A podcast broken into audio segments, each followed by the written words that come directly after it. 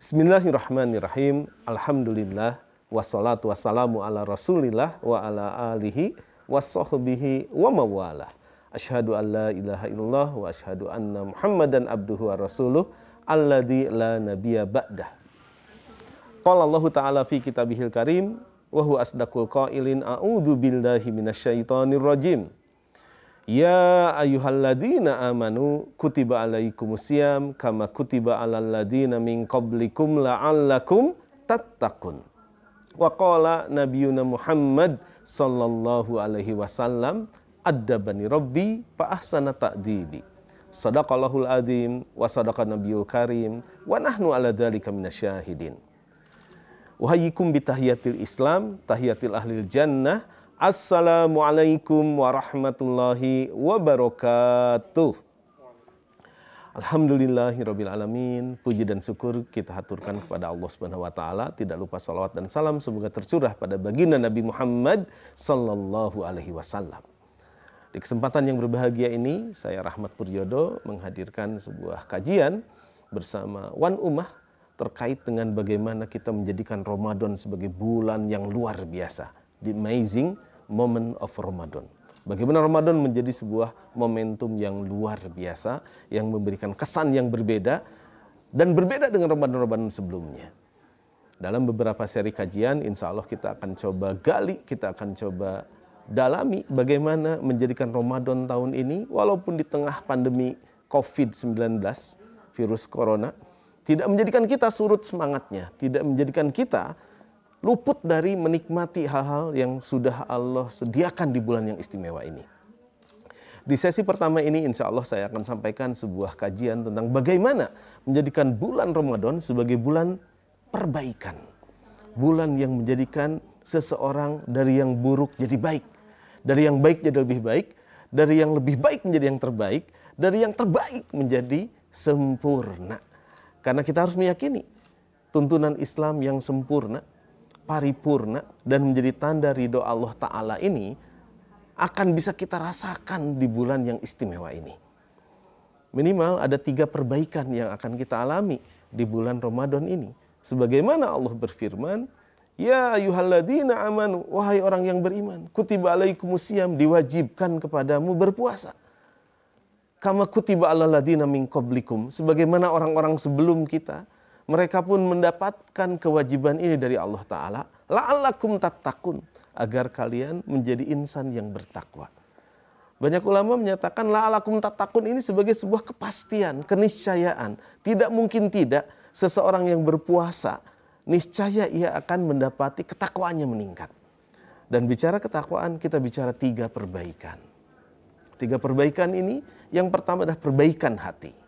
Yang kedua, perbaikan relasi dan yang ketiga, perbaikan orientasi. Perbaikan hati bermakna bagaimana kita bisa terus mengolah raja yang ada di tubuh kita menjadi pengatur terbaik dari segala ucapan, sikap, dan perbuatan kita. Perbaikan hati ini disebutkan dalam sebuah kalimat yang sederhana. Man aslaha sarirotahu aslahallahu alaniyatahu. Barang siapa yang ia terus memperbaiki sari rotahu, sesuatu yang tersembunyi, sesuatu yang terahasiakan dari orang lain dalam dirinya, aslahallahu ala niyatahu. Maka Allah Subhanahu wa taala akan memperbaiki ala niyatahu, segala hal yang nyata dari dirinya, segala hal yang nampak dari dirinya.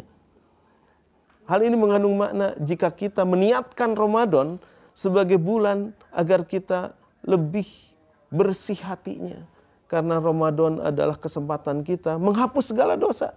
Dengan niat yang benar, tujuan yang lurus, maka Ramadan efektif akan membersihkan hati seseorang sebersih-bersihnya.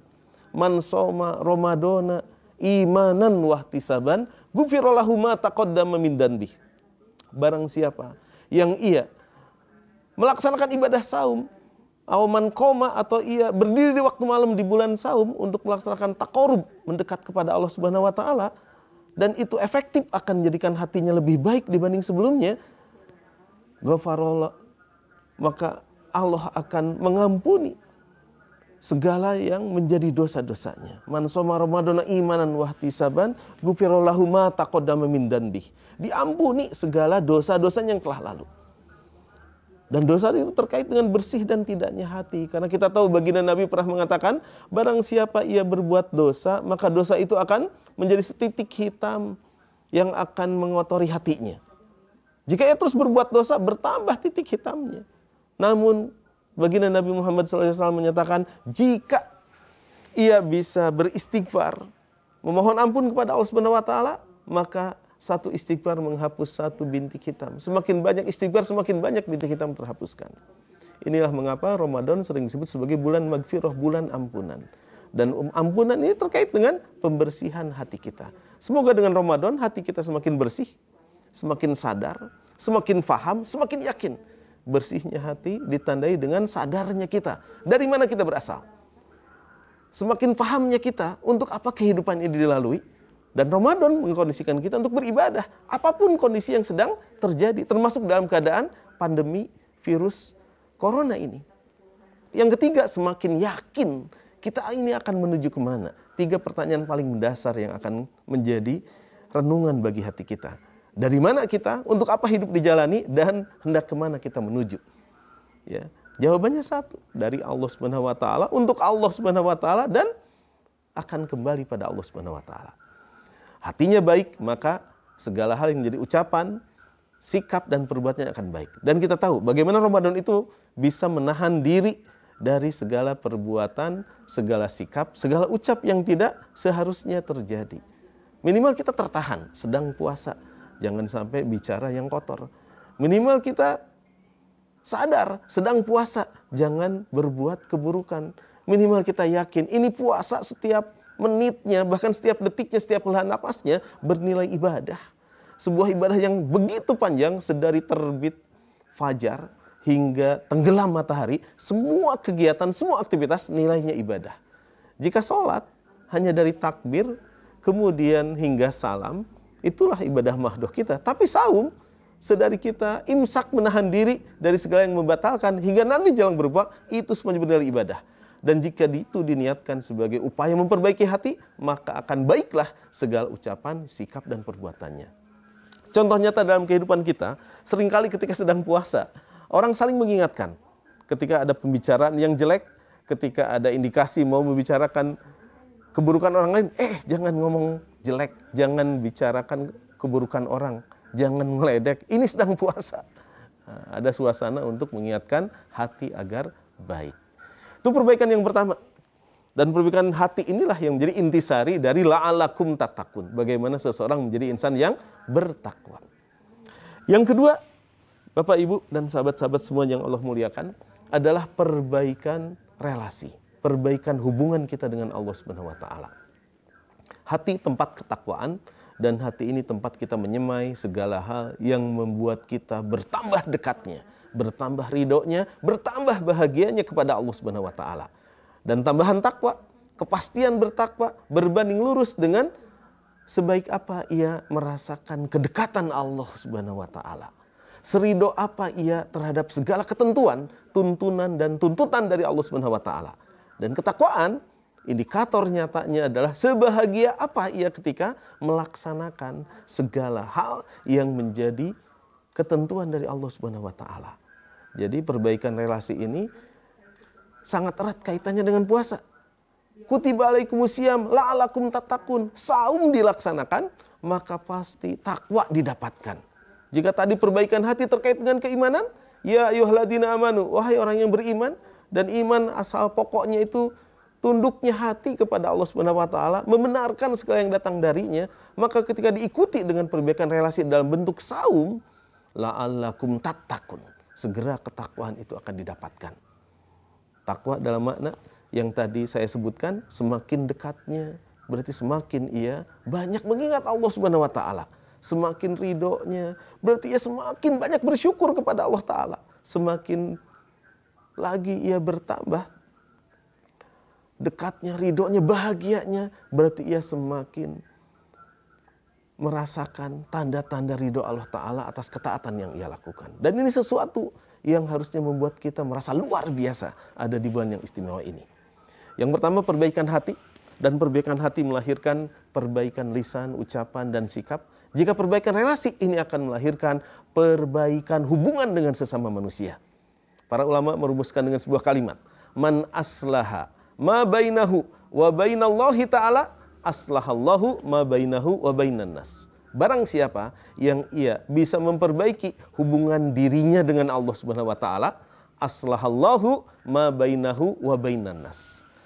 Ketika ia mampu membangun hubungan vertikal kepada Allah Subhanahu wa taala semakin dekat, semakin ridho, semakin bahagia dengan Allah taala, aslahallahu ma bainahu wa bainan nas. Maka Allah lah yang akan memperbaiki hubungan dirinya dengan sesama manusianya, hubungan horizontalnya. Jadi baiknya hubungan dengan Allah, hablum minallah, dijamin akan memperbaiki hablum minanas. Perbaikan hubungan dengan sesama manusia. Mari kita perhatikan, saum ini mendidik kita untuk menahan lapar, menahan dahaga dan segala yang membatalkan. Karena Allah Subhanahu wa taala, imanan wahtisaban. Semata karena iman kita, semata karena kita mengharap hari perhitungan, keriduan Allah Subhanahu wa taala di sana. Ketika kita merasa lapar, merasa haus, otomatis kita bisa langsung empati. Bagaimana rasanya orang yang kelaparan, orang yang kehausan, orang yang berketerbatasan. Dan empati ini menimbulkan kebijaksanaan untuk melahirkan pengertian, toleransi, perhatian, kepedulian pada sesama kita. Sebagaimana ibadah sholat, mulai dari takbir, fatihah, iftitah, fatihah, surat, ruku, iktidal, sujud, hingga atahiyat, semua yang kita baca adalah sebuah proses perbaikan hubungan dengan Allah. Di akhir salat, Assalamualaikum. Secara fikih itu memang menutup rangkaian ibadah salat. Namun secara maknawi, ia sebuah komitmen bagi kita untuk mengucapkan, untuk menghadirkan, untuk mengupayakan assalam, keselamatan, kesejahteraan, kedamaian bagi orang-orang sebelah kanan kita, bagi orang-orang sebelah kiri kita. Itulah mengapa dalam Islam selalu mengundang unsur perbaikan hubungan dengan Allah akan membawa perbaikan hubungan dengan sesama manusia. Terakhir, Bapak Ibu dan Akang Teteh yang dimuliakan Allah Subhanahu wa taala adalah perbaikan orientasi. Hati, relasi dan orientasi. Perbaikan orientasi ini disebutkan dalam sebuah kalimat ringkas oleh para ulama dengan kalimat man amila li akhiratihi kafahullahu amra dunyahu. Barang siapa yang ia beramal untuk kehidupan akhiratnya, maka Allah akan memberikan kecukupan untuk segala kehidupan dunianya. Artinya, jika kita masih berasa berkekurangan akan kehidupan dunia, mungkin tujuan kita belum akhirat. Dan saum adalah sebuah ibadah dahsyat yang balasannya langsung kita dapatkan dari Allah Subhanahu wa taala. Jika ibadah lainnya ada faktor kali, ada faktor jumlah atas imbalan pahala, maka saum itu langsung dibalas oleh Allah Subhanahu wa taala. As-saumuli wa ana ajzi bihi. Hambaku berpuasa, apa pun puasa yang ia lakukan, ada unsur dilaksanakan karenaku. Wa anna ajzi bihi. Dan karena ia melaksanakan untuk mencari ridoku, aku sendiri yang akan membalasnya. Demikian firman Allah Subhanahu wa taala dalam hadis kursi.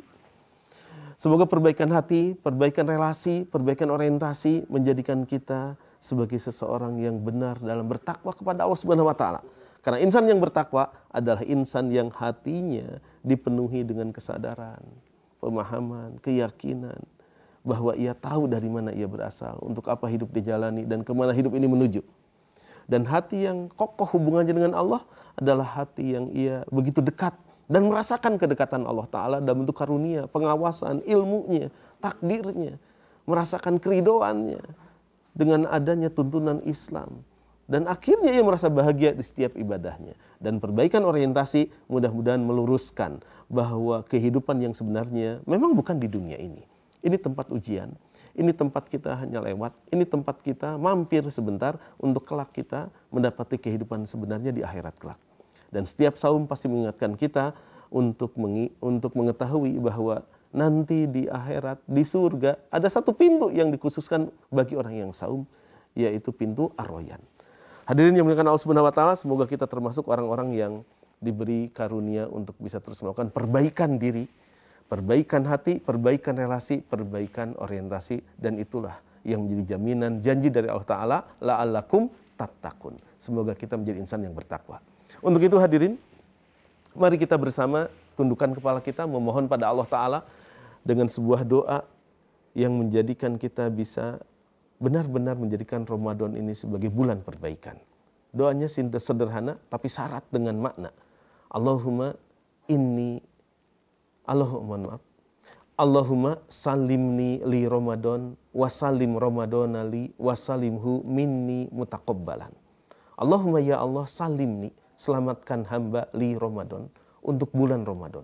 Semoga hamba sehat, semoga hamba semangat, semoga hamba kuat menghadapi Ramadan di tengah wabah pandemi ini. Wasalim Ramadan ali, semoga hamba diselamatkan selama bulan Ramadan dari segala mara bahaya, gangguan dan musibah, khususnya tidak terkena wabah virus corona ini. Wasalim humini dan ya Allah selamatkan Ramadan bulan suci penuh keberkahan, penuh kebaikan itu mini dari hamba. Semoga hamba bukan termasuk orang yang melakukan perbuatan yang sia-sia, yang buruk dan tidak bermakna di bulan yang indah ini. Mutakobbalan dan semoga amal ibadah hamba sekecil apa pun itu diterima olehmu ya Allah. Demikian sajian dari saya terkait dengan Ramadan sebagai bulan perbaikan, sebagai bagian dari keajaiban Ramadan. Saya Rahmat Puryodo undur diri. Aku qouli hadza wa astaghfirullahaladzim Wassalamualaikum warahmatullahi wabarakatuh.